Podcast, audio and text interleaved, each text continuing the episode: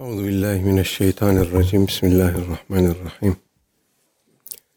Elhamdülillahi rabbil alamin. Salatu vesselamu ala Resulina ve seyyidina Muhammedin ve ala alihi ve sahbihi ecmain. 372 numaralı rivayetteyiz. An Ebi Hureyre radıyallahu anhu. Anin Nebi sallallahu aleyhi ve sellem kal. En nasu ma'adinu ke ma'adiniz zehebi vel fıdda.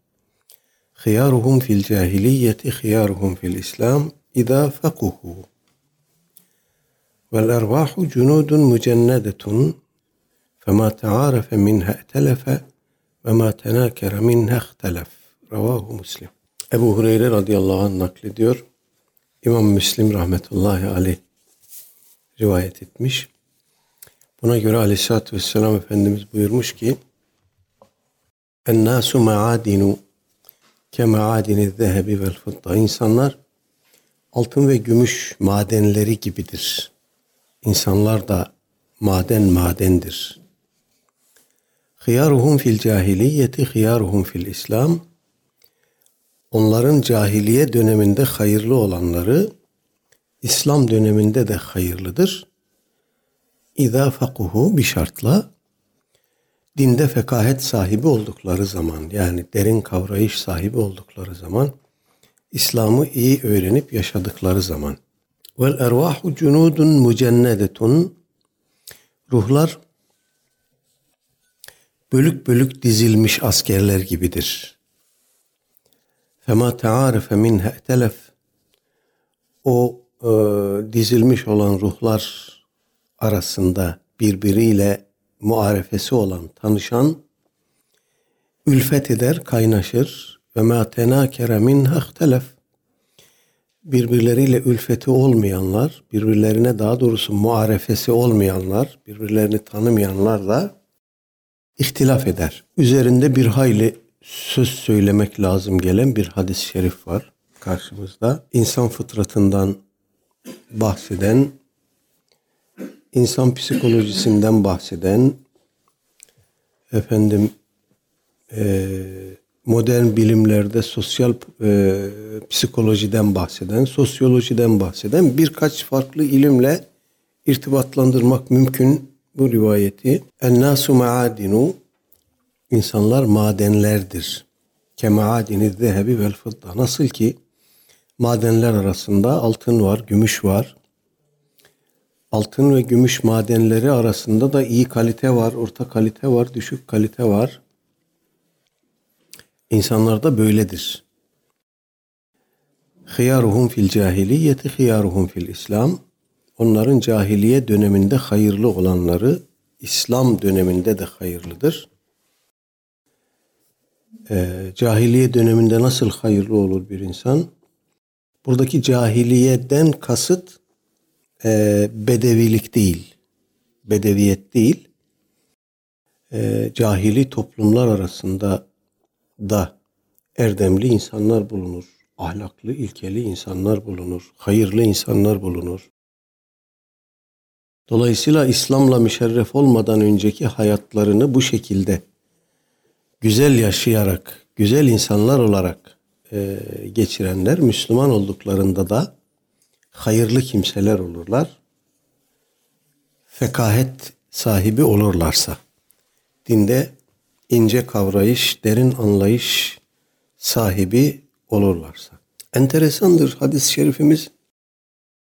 Cahiliye döneminde hayırlı insanlar e, Müslüman olunca da hayırlı olurlar diye e, otomatik bir e, şey yapmıyor hayırlı oluşta bir garanti vermiyor. Cahiliye döneminde madem ki hayırlıdır, Müslüman olunca elbette daha hayırlı olur gibi bir toptancı, peşinci bir e, şey vermiyor. İza fakuhu fekahet ettikleri zaman, fakih oldukları zaman, buradaki fakih yani mezhep sahibi, iştihat eden, fetva veren anlamında değil, dini iyice kavramış, hayrı, şerri, iyiyi, kötüyü efendim iyice kavramış ve hayatını buna göre tanzim etmiş insanlar kastediliyor. Dolayısıyla cahiliye döneminde hayırlı insanların davranışlarına sahip olanlar, İslam döneminde de hayır olarak ifade edilen davranışlara sahip olanlar, Müslüman olduktan sonra da bu hayırlı e, tutumlarını o derin kavrayışla birleştirdikleri zaman İslam'da da hayırlı insanlar olurlar. Birleştirmezlerse ne olur? E, ola ki cahiliye döneminin bir kısım anlayışları, bir kısım e, alışkanlıkları İslam'la bağdaşmaz. O zaman o dönemde geçerli olan bir kısım şeyleri İslam döneminde de devam ettirmek istediklerinde problem çıkar. O cahiliye dönemini olduğu gibi İslam'a taşıyan değil, cahiliye döneminde oluşmuş, gelişmiş alışkanlıkları, davranış biçimleri vesaire İslam'ın rötuşundan geçtikten sonra hayırlı insan olacak demektir. Ee, buradan da anlıyoruz ki Müslüman olmayan toplumlar ve insanlar arasında da potansiyel olarak iyi insanlar bulunur. Hayırlı insanlar bulunur. Bunu zaten günlük hayatta da görüyoruz. Gayrimüslim ülkelerde yaşayanlar bilhassa bunu daha yakından görürler, hissederler. İyi insanlar vardır. Ee, mesela adil davranmaya dikkat eden insanlar vardır. Gayrimüslimler arasında. Mazlumdan yana olan insanlar vardır.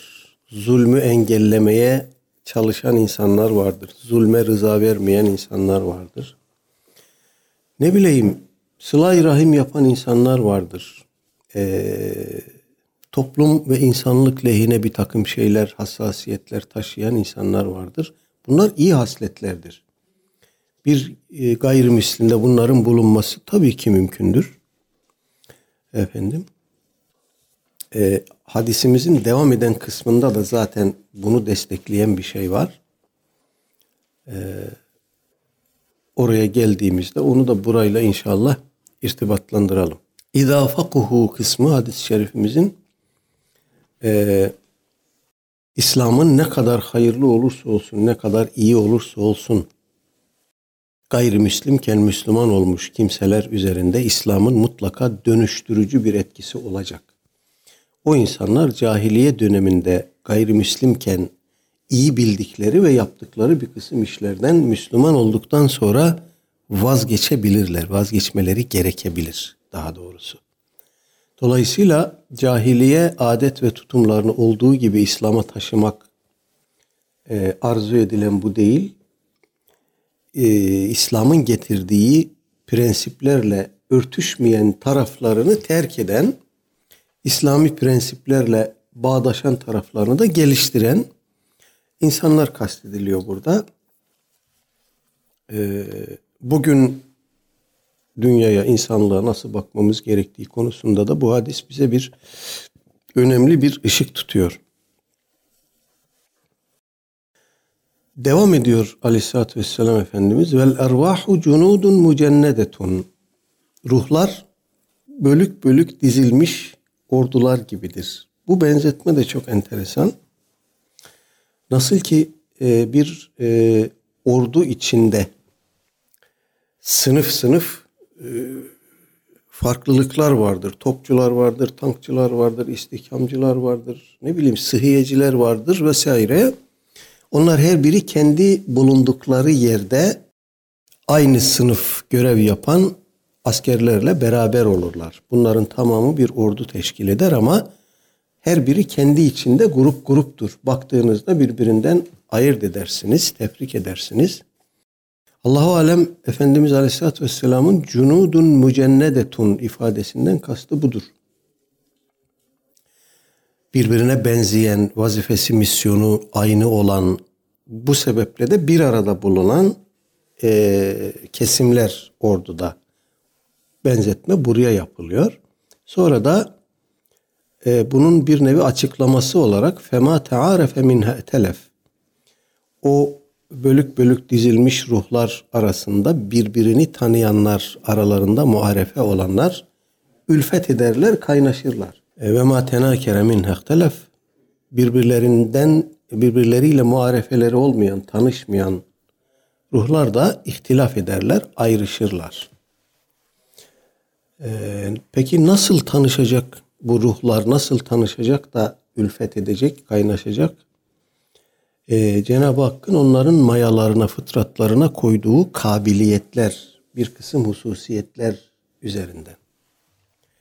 Burada da gerçekten e, işte modern sosyolojiyi yakından ilgilendiren, oraya denk düşen, sosyolojik bir kısım teorilere denk düşen bir nebevi tespit var. İnsanlar e, sosyal gruplar oluştururken, arkadaş çevresi, eş dost çevresi edinirken bunu neye göre yapar? Kendi tarzına göre, efendim fıtri yapısına göre yapar. Yani diyelim ki çok asabi insanlarla çok halim selim insanlar bir arada bulunmaz. Onlar birbirleriyle gruplaşır, bunlar da birbirleriyle gruplaşır.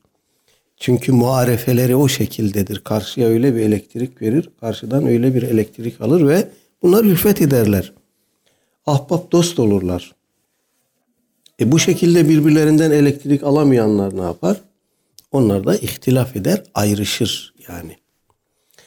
Ee, buradaki ülfet etmek ve ayrışmak e, iyi ve kötü şeklindeki bir ayrımı ifade etmiyor. Ee, sadece insanların fıtri bakımdan, e, ruhsal bakımdan, kişilik özellikleri bakımından farklılıklarına Efendimiz dikkat çekiyor.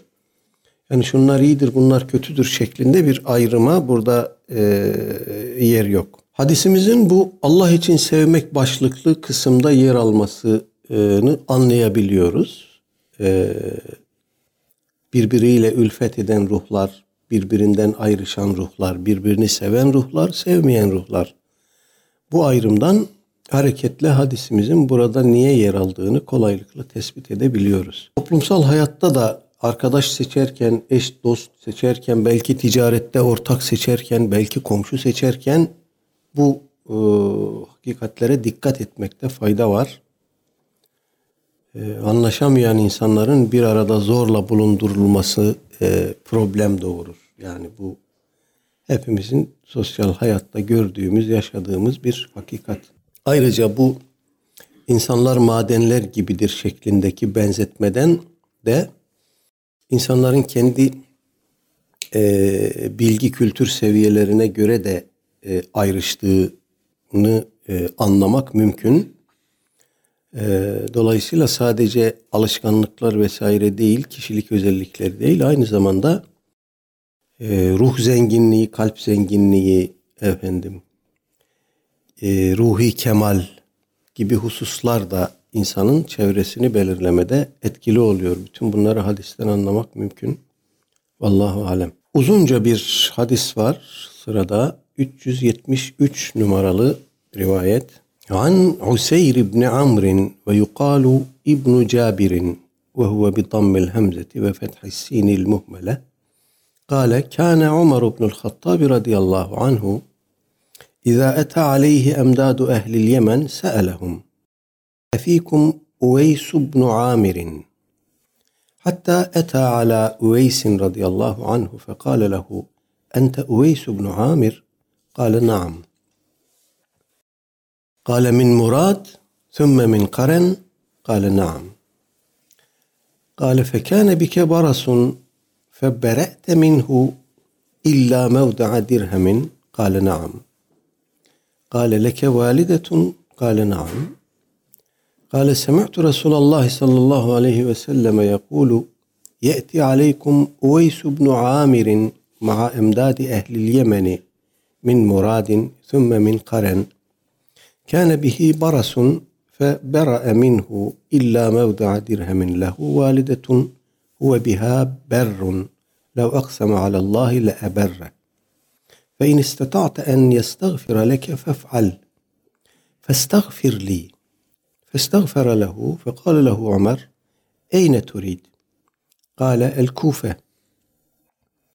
قال ألا أكتب لك إلى عامرها عاملها قال أكون في غبراء الناس أحب إلي.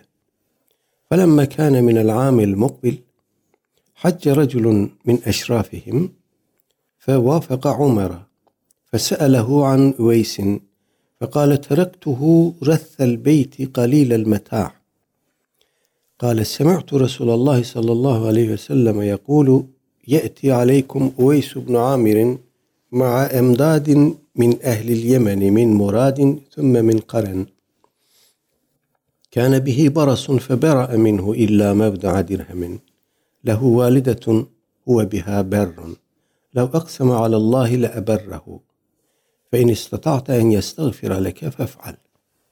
فأتى أويسا فقال استغفر لي. قال أنت أحدث عهدا بسفر صالح فاستغفر لي. قال لقيت عمر. قال نعم. فاستغفر له ففطن له الناس فانطلق على وجهه رواه مسلم. في رواية لمسلم أيضا عن أسير بن جابر رضي الله عنه أن أهل الكوفة وفدوا على عمر رضي الله عنه. وفيهم رجل ممن كان يسخر بأويس. فقال عمر هل ها هنا أحد من القرنيين؟ فجاء ذلك الرجل فقال عمر إن رسول الله صلى الله عليه وسلم قد قال إن رجلا يأتيكم من اليمن يقال له أويس لا يدع باليمن غير أم له. قد كان به بياض فدعا الله تعالى فأذهبه إلا مبدع الدينار أو الدرهم فمن لقيه منهم فليستغفر له لكم. وفي رواية له عن عمر رضي الله عنه قال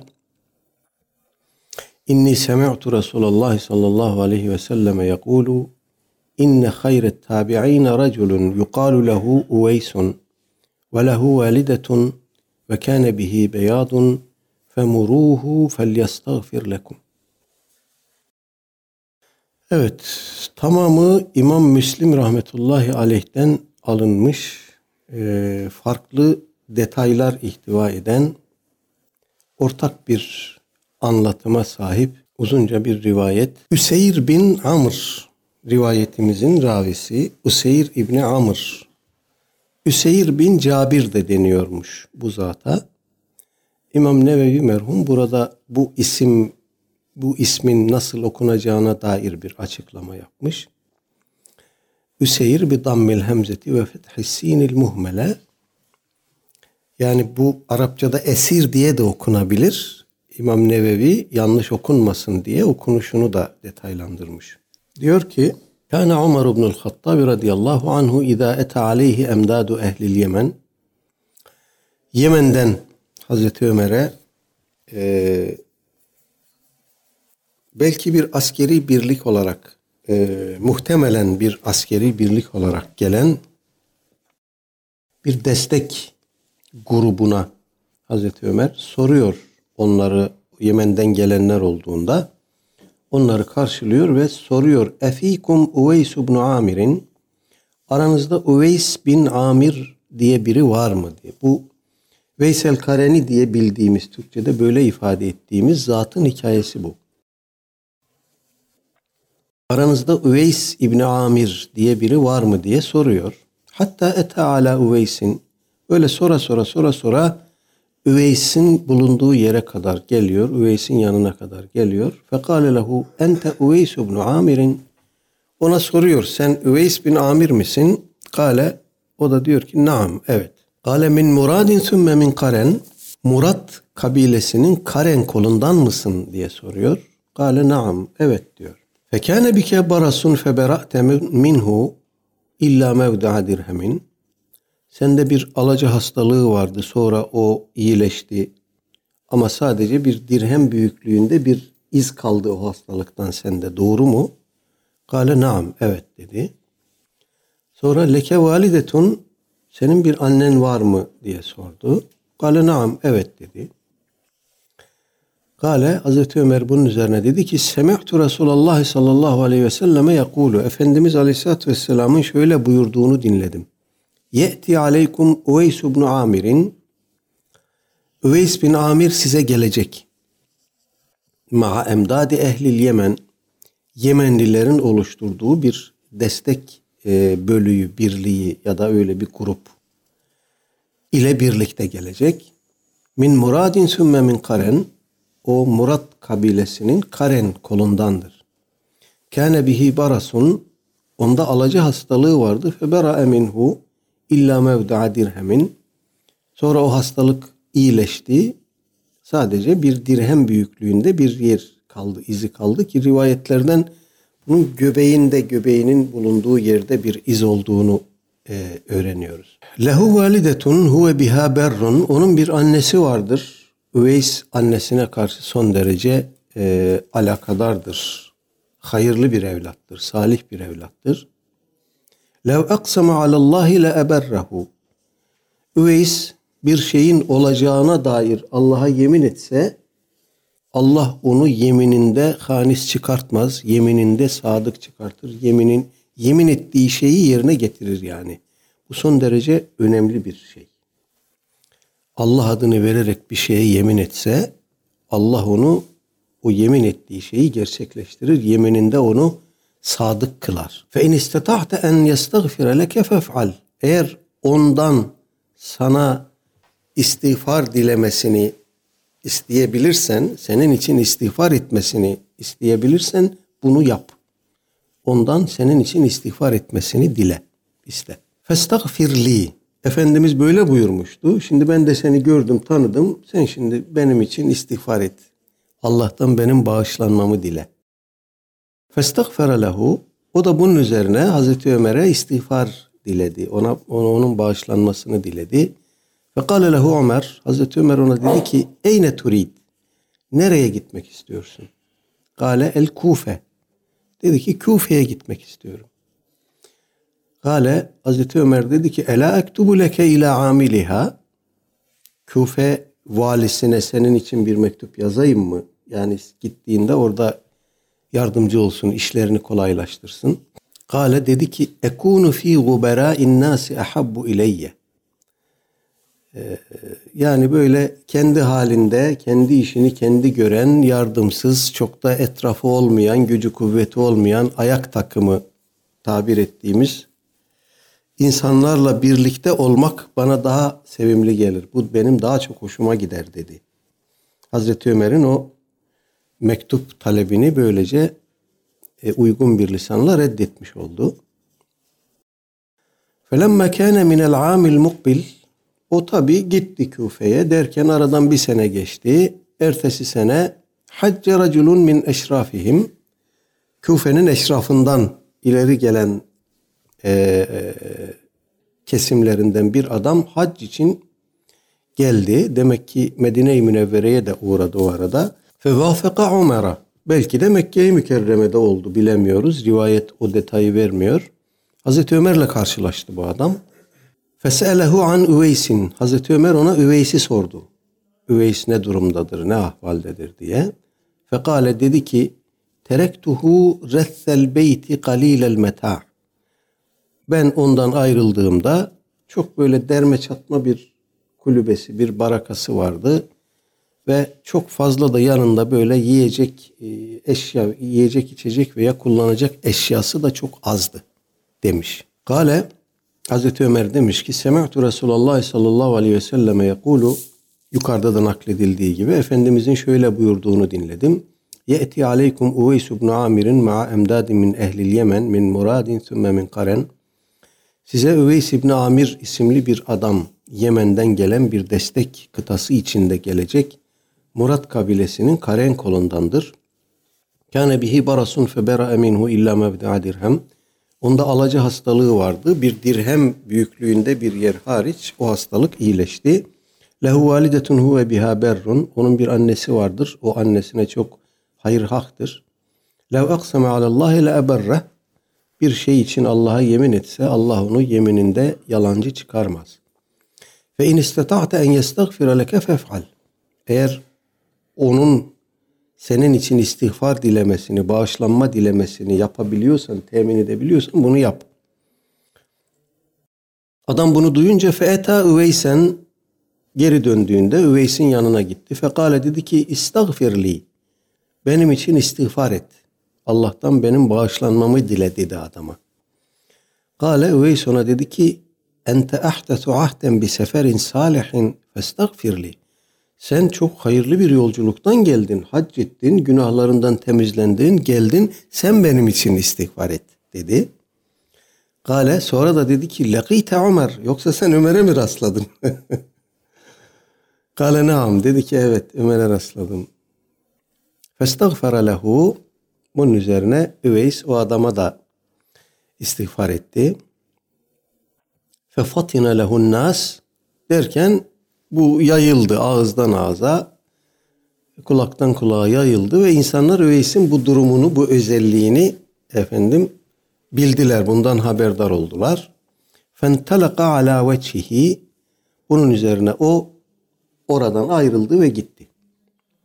İmam Müslim rivayeti bir bu şekilde nakletmiş. Bir de böyle e, iki farklı detay daha içeren bir metin var. Ve fi rivayetin li Müslim'in eydan an Üseyr ibn Cabir'in radıyallahu anhu. Gene Üseyr bin Cabir e, radıyallahu anh rivayetimizin ravisi. Gene İmam Müslim naklediyor. Ki enne ehlel kufete kufeti vefedu ala Ömer radıyallahu anhu. Kufeliler Hazreti Ömer'e bir heyet halinde e, gittiler. Efendim ve fihim raculun mimmen kana yasharu bi Uveysin. Aralarında bir adam vardı ki o Üveys'le alay ederdi. Fekale Ömer'u Ömer dedi ki hel ha huna ahadun minel kareniyyin Burada karenlilerden kimse var mı? Feca edaliker racul o adam geldi. O Üveys el-Kareni ile alay eden adam geldi. Fekale Umar'a e, Fekale Umeru olacak. Rivayetimizi yanlış harekelemişler. Hazreti Ömer diyor ki İnne Resulullah sallallahu aleyhi ve sellem kad kal Efendimiz şöyle buyurdu. İnne raculen ye'tikum minel Yemen Yemen'den size bir adam gelecek. Yukalu lehu Uveysun. Ona Üveys derler. La yeda'u bil Yemeni gayra ummin lehu. Yemen'de hiç kimsesi yoktu. Sadece bir annesi vardı. Onu bıraktı geldi. Bırakıp gelecek. Kad kâne bihi beyadun. Onda alıcı hastalığı vardı. Fedeallâhe teâlâ. Allah'a dua etti de edhebehu. Allah o hastalığı ondan giderdi. İlla mevdu'ad dinari. Evet dirhemi bir dinar ya da bir dirhem büyüklüğünde bir yer kaldı. O hastalığın izi kaldı. Femen leqiyehu minhum kim sizden her kim ona yetişirse yestagfir lekum sizin için istiğfar etsin. Ve fi rivayetin lehu son e, farklı varyant An Ömer radıyallahu anhu gene Hazreti Ömer'den geliyor. Kale diyor ki inni sema'tu Resulullah sallallahu aleyhi ve selleme yekulu ben Efendimizin şöyle buyurduğunu dinledim. İnne hayret tabi'ine raculun tabiinin en hayırlısı bir adamdır ki yukalu lehu uveysun ona üveys derler. Lehu validetun onun bir annesi vardır ve kâne bihi beyadun onda bir alacı hastalığı vardı. Femuruhu felyestagfir lekum. Ona gidin sizin için bağışlanma dilesin.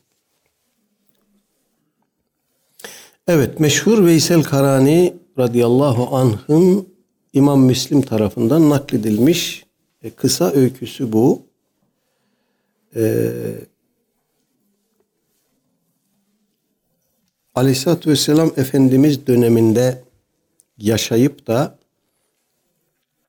e, onu göremeyenler o dönemde Müslüman olmuş olabilir ama Efendimiz'i görmemiş olabilir. Efendim e, daha sonra sahabe-i kirama yetişenler bunlara tabi'in diyoruz. Tabi'inin büyükleri diyoruz. Bir de e, muhadramun deniyor bunlara. Bunların tabiinin en üst tabakasını teşkil ettiğini hayır olarak, manevi mertebe olarak biliyoruz. İşte Üveys el-Kareni de bu tabakanın en hayırlısı. Ee, İslam kültür tarihinde belki de adına en fazla e, menkıbe dizilen, belki de en fazla yerde kabri olan kişilerden biridir. Üveys el-Karani. Biz ona Veys el-Karani diyoruz. Türkiye'de bile zannedersem 3-5 ayrı yerde makamı var. Suriye'de var, Şam'da var, İran'da var, Irak'ta var. Efendim pek çok yerde makamı var. Ee, Tabi ümmet böyle bu tarz insanları e, bağrına bastığı için onlara son derece büyük bir hürmet ve bağlılıkla bağlı olduğu için onu e, sahipleniyor adeta. Mezarı olmasa bile bu onun makamıdır deyip o makam üzerinden onunla kalbi ruhi bir irtibat kuruyor. Alaka, ilişki kuruyor. Bu e, pek çok insan için de varittir yani. Mesela şair Fuzuli'nin Anadolu'da da kabri var. Azerbaycan'da da kabri var. İran'da da kabri var. Bunlardan bir tanesi gerçek kabir, diğerleri makam. Meşhet ya da. Dolayısıyla e, bu tarz şeyleri ümmet kaçırmıyor. Kıymetleri kaçırmıyor. Bunlarla mutlaka bir aidiyet ilişkisi kuruyor.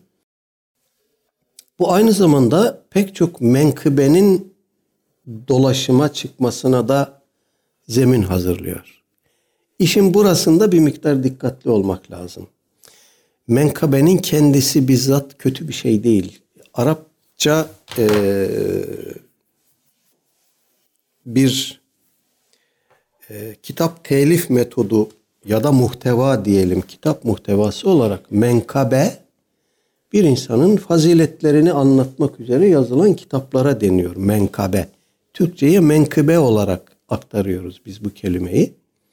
Bir insanın faziletleri, iyi huyları, iyi davranışları, örnek alınacak yönleri bunları anlatan efendim kitaplar var. Veysel Karani hakkında da böyle çok menkabeler var. Bunları yüzde yüz yaşanmış şeyler, hakikatler olarak anlamak yerine oradan e, bir kısım ibretler, dersler çıkarmak daha doğrudur. Yani Efendimiz Aleyhisselatü Vesselam'ın Uhud'da bir dişi şehit oldu, mübarek bir dişi kırıldı biliyorsunuz. Onunla bağlantılı olarak Veysel Karani'nin ya da Veysel Karani'nin Efendimizin hangi dişinin şehit olduğunu bilmediği için ağzındaki dişlerin tamamını kırıp onları bir ipe dizip Efendimiz'e hediye olarak getirdiği bile anlatılır. Bunun aslı yok tabi. Tek bir dişini kırdığı da anlatılır. Bu rivayetleri ihtiyatla karşılamak lazım. Efendim aslında Müslüman olduğu annesinden izin aldı. Efendimiz hayattayken onu görmek için Medine-i Münevvere'ye geldi. Annesine bir söz vermişti. Ben sadece Efendimiz'i gideceğim onun evine. Onu orada gördüm gördüm görmedim geri geleceğim. Annesi de biraz titiz bir kadındı. Önce izin vermeye yanaşmayınca o kendisini böyle bir şeyle bağladı. Yani çok eğlenmeyeceğim Medine'de. Efendimizin evine gideceğim. Oradaysa orada, değilse geri dönüp geleceğim diye söz verdi. Geldi Efendimiz'i sordu. Evde yok dediler. Bunun üzerine efendim döndü gitti. O dişi hediye olarak verdi ya da hatıra olarak döndü gitti. Ee, aslı var mı bu rivayetin? ihtiyatla karşılamak lazım.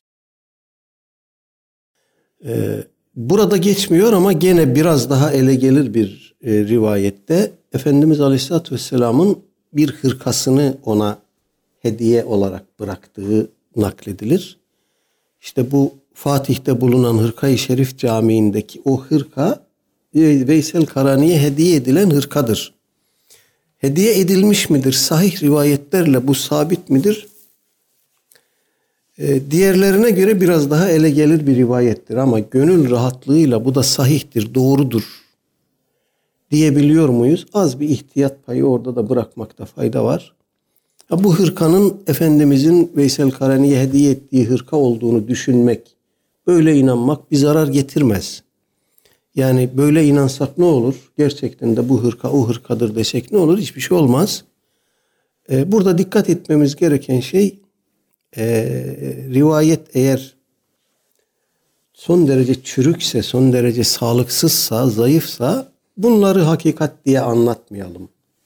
O bir süre sonra hadisler alanına e, bir gevşeklik olarak, caiz olmayan bir gevşeklik olarak yansır. Bu defa efendim çok zayıf hadisleri, belki uydurma rivayetleri de metinleri, muhtevaları çok hoşumuza gittiği için sahih kabul etme eğilimine girebiliriz. Bu tehlikeli bir şey. Bunu yapmamak lazım. Ee, muhteva, metin ne kadar masum olursa olsun, ne kadar güzel, ibretlik, hoşumuza giden bir muhteva olursa olsun, uydurma uydurmadır deyip onu bir hadis kıymetinde görmek e, tehlikesini bertaraf etmemiz lazım.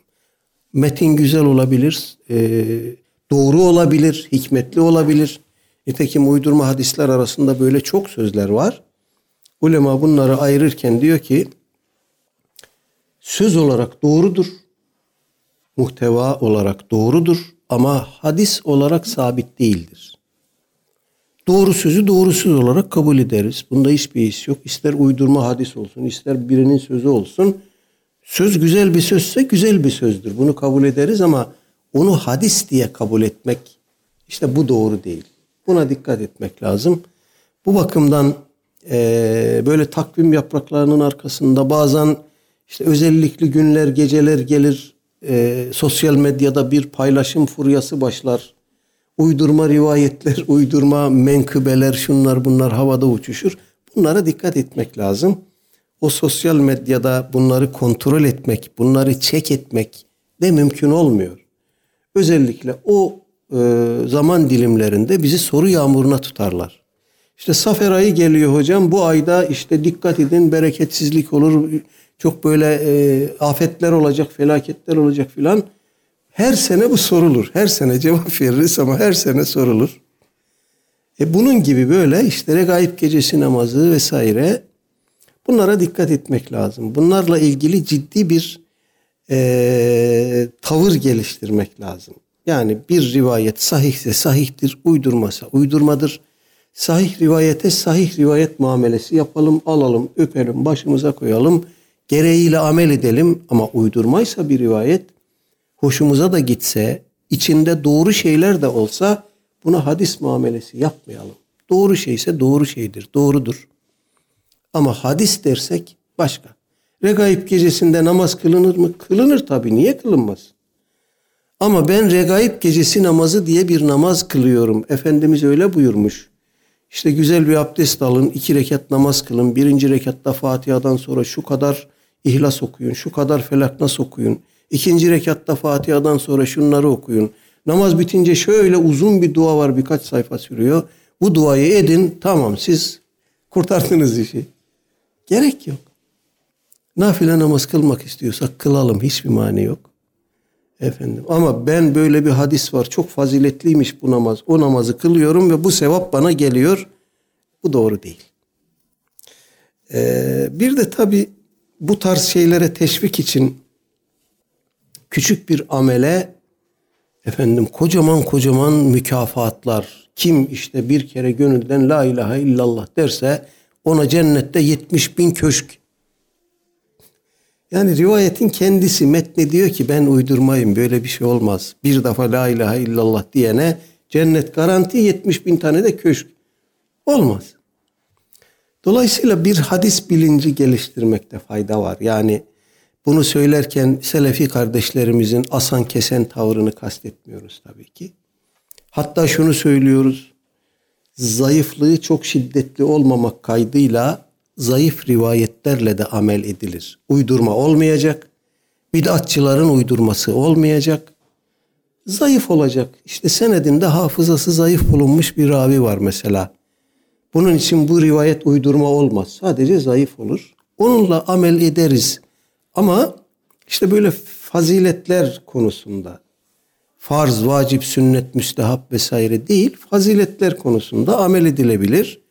İtikadi ve ameli meselelerde böyle rivayetlerle asla amel edilmez. Bu bilinci geliştirmekte fayda var. Ee, Öveys el-Kareni burada niye zikredilmiş? Aleyhisselatü Vesselam Efendimizin e, onun geleceğine dair, onun özelliklerine dair, manevi mertebesine dair e, mucize olarak ashabına verdiği haberler Dolayısıyla Üveysel Kareni sevilen bir insan. Kendi gitmeden adı gidiyor bir yerlere. Efendim. Ama dikkatimizi çeken bir şey var. O bundan rahatsız. Tanınmak, bilinmek, şöhret olmak istemiyor. İnsanların kendisini tanımasını istemiyor. Bu önemli bir şey. Yani biz öyle Allah dostları tanıyoruz ki insan içine çıkmıyor. Ömrünün belli bir dönemine geliyor. O dönemden sonra insan içine çıkmıyor. Birileri beni görür, hakkımda ne bileyim layık olmadığım sözler söyler, hakkımda zan yapar. Bu da benim kulağıma gelir. Bu gönlümde bir havatır oluşturur falan diye insanlarla münasebeti kesenleri biliyoruz. Efendim, e, Allah dostlarının böyle bir özelliği var. Allah'tan başka hiçbir merciin düşüncesine, dostluğuna, düşmanlığına vesaire kıymet vermiyorlar. Efendim, işte o da onlardan birisi. Ee, Üveysel Kareni'nin kültürümüzde oluşturduğu, sadece kültürümüzde değil, İslami ilimler içerisinde oluşturduğu çok önemli etkiler var. Tasavvufta Üveysi Tarik dediğimiz bir metot var. Ee, bu Kars civarında yattığı söylenen Ebul Hasan el Harakani Hazretleri için söylenir mesela. Hasan-ı Basri ile Üveysi Tarik'ten e, rabıtası vardır derler. Hasan-ı Basri ile Ebul Hasan Harakani arasında uzun asırlar var. Ama onlar keşf aleminde görüşmüşler, tanışmışlar. Hasan-ı Basri Hazretlerinden efendim destur almış, el tutmuş, izin almış, feyiz almış. Efendim buna üveysi tarik diyoruz. Bizzat hoca talebe, mürit mürşit ilişkisi içinde değil, keşf aleminde, rüya aleminde oluşan bir şey. Böyle bir şey mümkün müdür? Tabii ki mümkündür. Niye mümkün olmasın? Efendim. Ama bunu da tabii e, tabirimi hoş görün cılkını çıkartmamak lazım. Ben Üveysi Tarik'le bundan yüz e, bilmem kaç asır önce yaşamış bir Allah dostuyla irtibat kurdum. E, dolayısıyla ondan el aldım. Ben ocağım. Ben de bir takım şeyler yaparım filan. Bu e, yani ben bu tarz şeyler duyduğumda kendi adıma söyleyeyim. E, soğuyorum yani. Böyle insanlardan uzak durun. Kendisini metheden, kendisinde bir kısım olağanüstü özellikler olduğunu söyleyen e, insanlardan uzak durun. Toplumda bu tarz insanların fitnesine, kapılan çok fazla sayıda insan var. Mağdur olan çok fazla sayıda insan var. Efendim. O da belki bizim hani kısa yoldan bir şeyleri halledelim şeklindeki yanlış beklentimizden kaynaklanıyor. Allah ve Resulünün sevdiği bir insan olmak istiyorsak Allah ve Resulünün sevdiği işler yapacağız. Ashabtan biri bir gün Aleyhisselatü Vesselam Efendimiz'e geldi. Dedi ki Allah'ın Resulü ben seni çok seviyorum ve cennette de seninle beraber olmak istiyorum. Efendimiz buyurdu ki bunu gerçekten istiyor musun? Evet dedi. O zaman sen bana yardım et. Ben bunun için elimden geleni yapacağım ama sen de bana yardım et. Nasıl yardım et? Ben Allah Resulünden söz aldım. Yat aşağı yapma. Amellerini aksatma. Yapabildiğin kadar faziletli amelleri yap. Sen bana böyle yardım et ki ben de sana yardım edeyim. E, bu işte itikat bahsinde okuduk burada tahavi akidesinde okuduk. Şefaat hak mıdır? Haktır. Kime Efendimiz şefaat edecek? Şefaati li ehlil kebair min ümmeti buyurmuş Efendimiz. Benim şefaatim ümmetimden büyük günah işleyenleredir. Buradan da bir yataşağı durumu yapmamak lazım. Nasıl olsa büyük günah işleyenler şefaate muhtaç. Öbürleri sınıfı geçti demek ki otomatik cennet böyle bir şey yok. Ya da büyük günah işlemiş bir adam kendini garantide görmesin. Nasıl olsa şefaat bana gelecek, beni bulacak. O da böyle yapmasın. Yani kendimize yardım edelim. Ki ilahi yardım, nebevi yardım da bize ulaşabilsin. Dolayısıyla böyle kestirmeden işler işte kestirmeden zengin olma hayalleriyle bu toplumda ne türlü fecaatler yaşanıyor. Bunları her gün görüyoruz, yaşıyoruz. Bu manevi alemde de oluyor. Kestirmeden e, manevi mertebe kat etmek, cennette yüksek yüksek makamlar böyle bir şey yok. Çalışalım, gayret edelim. E, nefsimizi hiçbir zaman temize çıkarmayalım. Arkadaşlar bunun belki de en kestirme yolu bu. Başkalarıyla uğraşmayı bırakıp kendimizle uğraşalım. Nefis muhasebesi yaparken bu da bir prensip olsun. Kendimizle ilgili nefis muhasebesi yaparken acımasız davranacağız. Kayırma yapmayacağız, göz yummayacağız, kendimize torpil geçmeyeceğiz. Moda tabiriyle kendimizi şımartmayacağız. Başkasıyla ilgili düşünürken de mümkün mertebe iyi taraflarını göreceğiz. Güzel taraflarını göreceğiz. Kusurları varsa hasbel kader denk gelmişsek kapatacağız, örteceğiz kendi hakkımızda acımasız, kardeşimiz hakkında son derece toleranslı olacağız.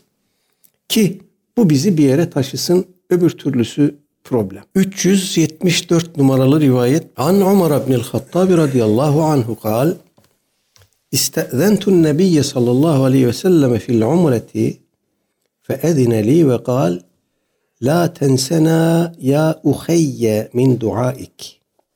Fekale kelimeten ma yesurruni enne li bihed dünya. Ve fi rivayetin kal Eşrikna ya uhayye fi duaik. Ravahu Ebu Davud ve Tirmidiyyu. Hazreti Ömer radıyallahu an naklediyor. Diyor ki İstezentun Nebiye sallallahu aleyhi ve selleme fil umreti. Umre yapmak üzere Peygamber aleyhissalatü vesselam'dan izin istedim. Fe edineli bana izin verdi. Ve kâle ve buyurdu ki La tensena ya uhayye min duaik. Ey kardeşim, sevgili kardeşim, bizi de duandan unutma. Duanda bize de yer ver. Bizim bize dua etmeyi unutma. Fekale kelimetin ma yesurruni enne li bihed dünya. Bu sözüyle diyor Hazreti Ömer radıyallahu anh. Efendimiz Aleyhisselatü Vesselam bu sözüyle bana e, öyle bir şey söylemiş oldu ki ma yesurruni enneli bihed dünya sanki o sözle dünyalar benim oldu. O sözü söylemek suretiyle Efendimiz dünyayı bana bağışlamış oldu. Ve fi rivayetin kal bir rivayette de Efendimizin şöyle buyurduğu nakledilmiş. Eşrikna ya uhayye fi duaik. Sevgili kardeşim duanda bizi de ortak yap duada zikrettiğin şeyler, kendisi için dua ettiğin insanlar arasına bizi de kat, bizi de onlara ortak yap buyurdu. Evet son derece öğretici bir rivayet. Ee, Efendimiz Aleyhisselatü Vesselam'ın bizim duamıza ihtiyacı var mı? Tabii ki yok. Ona melekler dua ediyor. Ona Cenab-ı Hak salat ediyor. Ona ümmeti dua ediyor. Onun geçmiş, gelecek bütün günahları bağışlanmıştır. Makamı, makamı Mahmud'dur. En yüksek makamdır. Ama burada Aleyhisselatü Vesselam Efendimiz bize bir şey öğretiyor. Yani sizden daha aşağı durumda, daha aşağı seviyede olan bir insan bile olsa ondan dua isteyin. Mümin, mümine dua etsin. Özellikle gıyabında dua etsin.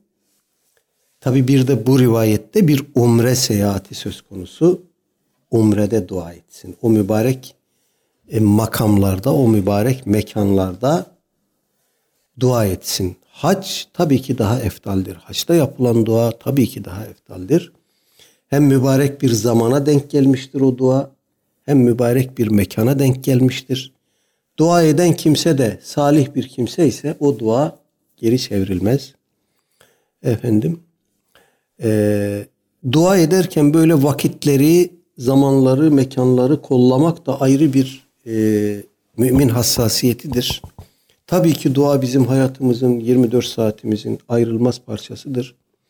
Ama özellikli zamanlarda, özellikli zeminlerde dua etmenin ayrı bir ehemmiyeti var. Ee, işte üç aylar, mübarek geceler, cuma, efendim. Cuma demişsen, demişken Perşembe akşam namazından sonra Cuma başlar. Ertesi gün akşam namazına kadar devam eder. Perşembe akşamından itibaren bunu yapmak lazım. Geçmişlerimize dua ederiz.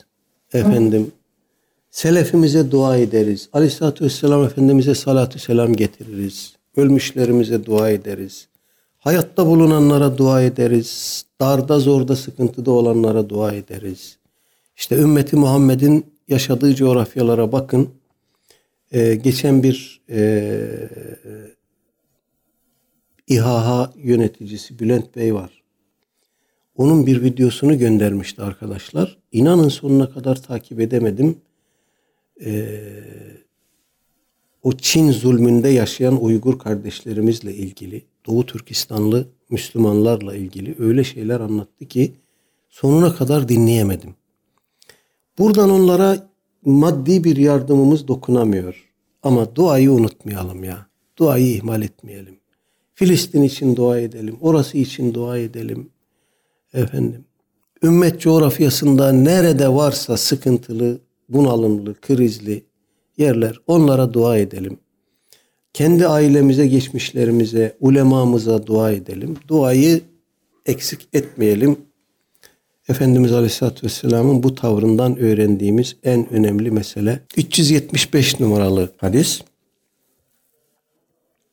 عن ابن عمر رضي الله عنهما قال كان النبي صلى الله عليه وسلم يزور قباء راكبا وماشيا feyusalli fihi rek'ateyni muttefakun aleyh. Fi rivayetin Kâne nebiyyü sallallahu aleyhi ve selleme ye'ti mescide Kubâ'in kulle sebtin rakiben ve maşiyen ve kâne İbni Umer'e yef'aluhu.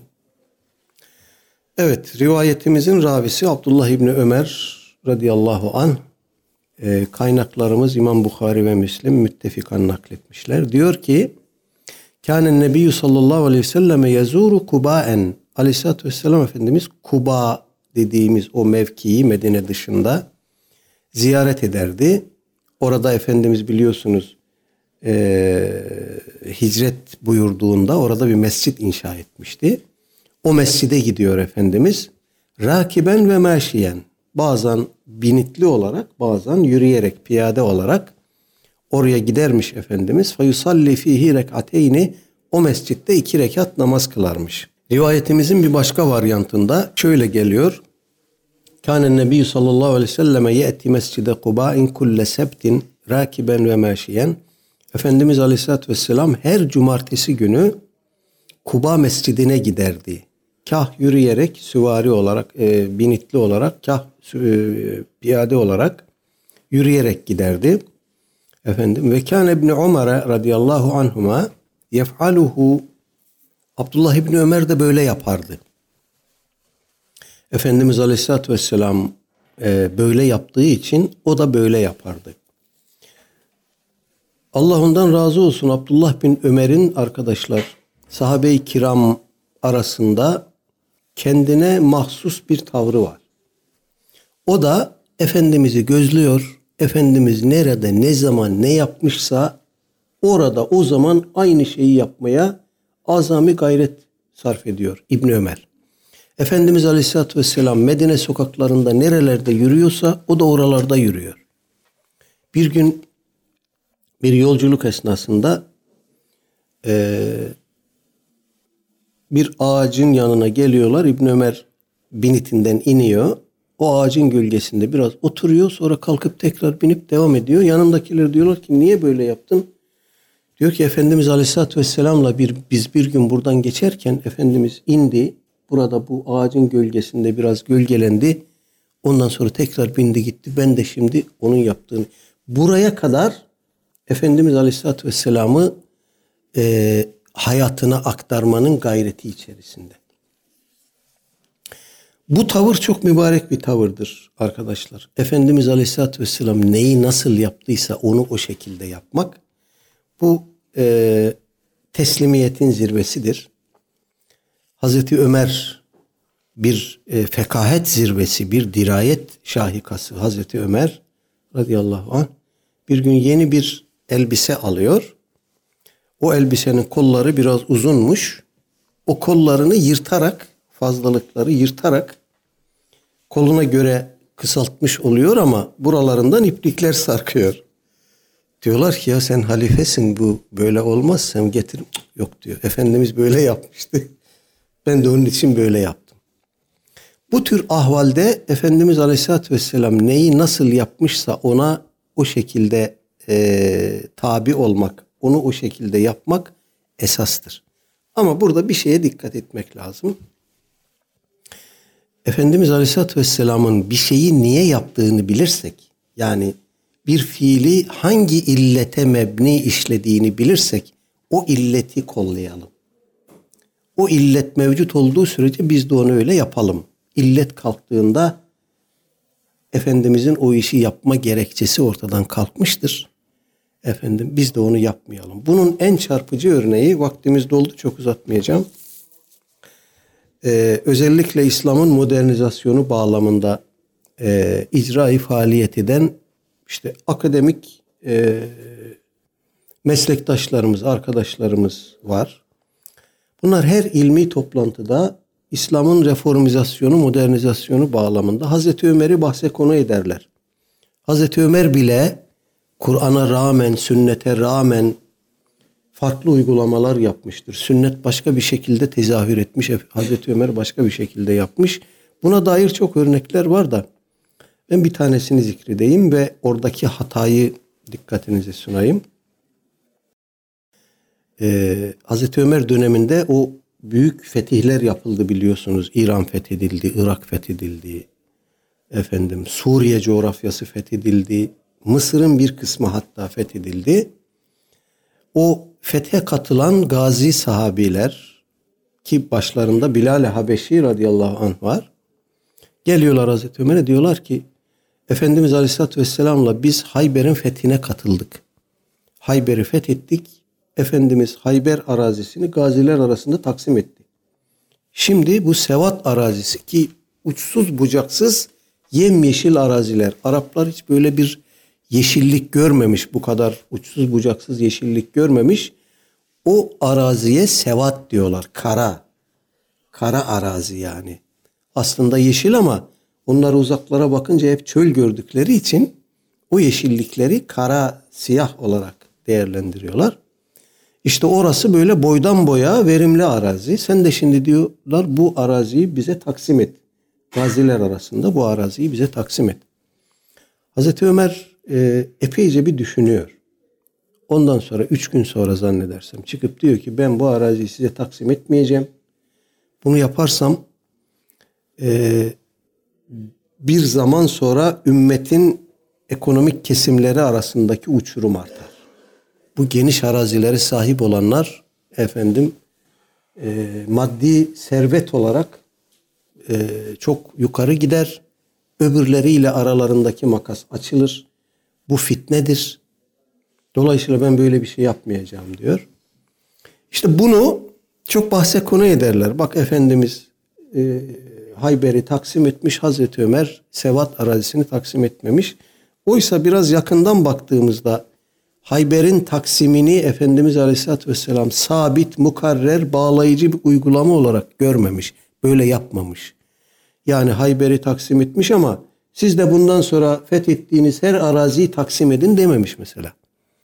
Dolayısıyla fukaha bu uygulamaya baktığında diyor ki bu ibaha ifade eder. Eğer ümmet aleyhine bir netice vermeyecekse, buradan bir mefsedet çıkmayacaksa e, fethedilen arazi gaziler arasında taksim edilebilir. Bu mümkündür, mübahtır. Ama şart mıdır? Değildir. Nitekim Efendimiz Mekke'yi de fethetti. Ama Mekke arazisini taksim etmedi. Kimseye oradan bir pay ayırmadı. Dolayısıyla şey de böyledir. Sevat da böyledir. Kaldı ki aralarında benzerlikler de var. Efendimiz Hayber'in tamamını e, taksim etmemiş. Bir kısmını elde bırakmış. Beytülmale devretmiş. Oradan ümmeti Muhammed'in ihtiyaçlarını karşılamış. Hazreti Ömer de Sevat arazisinde böyle yapmış. Bir kısmını anlaşmalı bir Becile kabilesi var. Kalabalık bir kabile. Diyor ki bu Sevad'ın fethinde bize yardım ederseniz size buradan arazi veririm. Onlar da yardım ediyorlar. Fetih gerçekleşince onlara taksim ediyor Hazreti Ömer. Ama Medine'den kalkıp oraya gitmiş olanlara taksim etmiyor. Böyle Hazreti Ömer'in 10 küsür tane uygulaması vardır. Bunlar hep istismar edilir. Meseleye doğru bakmak lazım. Efendimizin her yaptığını onun yaptığı gibi yapmak esastır ama illet gözetmek de şarttır. Mesele hüküm çıkartmaya gelince işin veçesi değişir. Diyelim ve burada bağlayalım. Haftaya görüşmek ve yeni bir babda e, yeni hadisleri konuşmak üzere Cenab-ı Hakk'a emanet olun. Ve sallallahu ala seyyidina Muhammedin ve ala alihi ve sahbihi ecmain. Elhamdülillahi Rabbil alemin. Vesselamu aleyküm ve rahmetullah.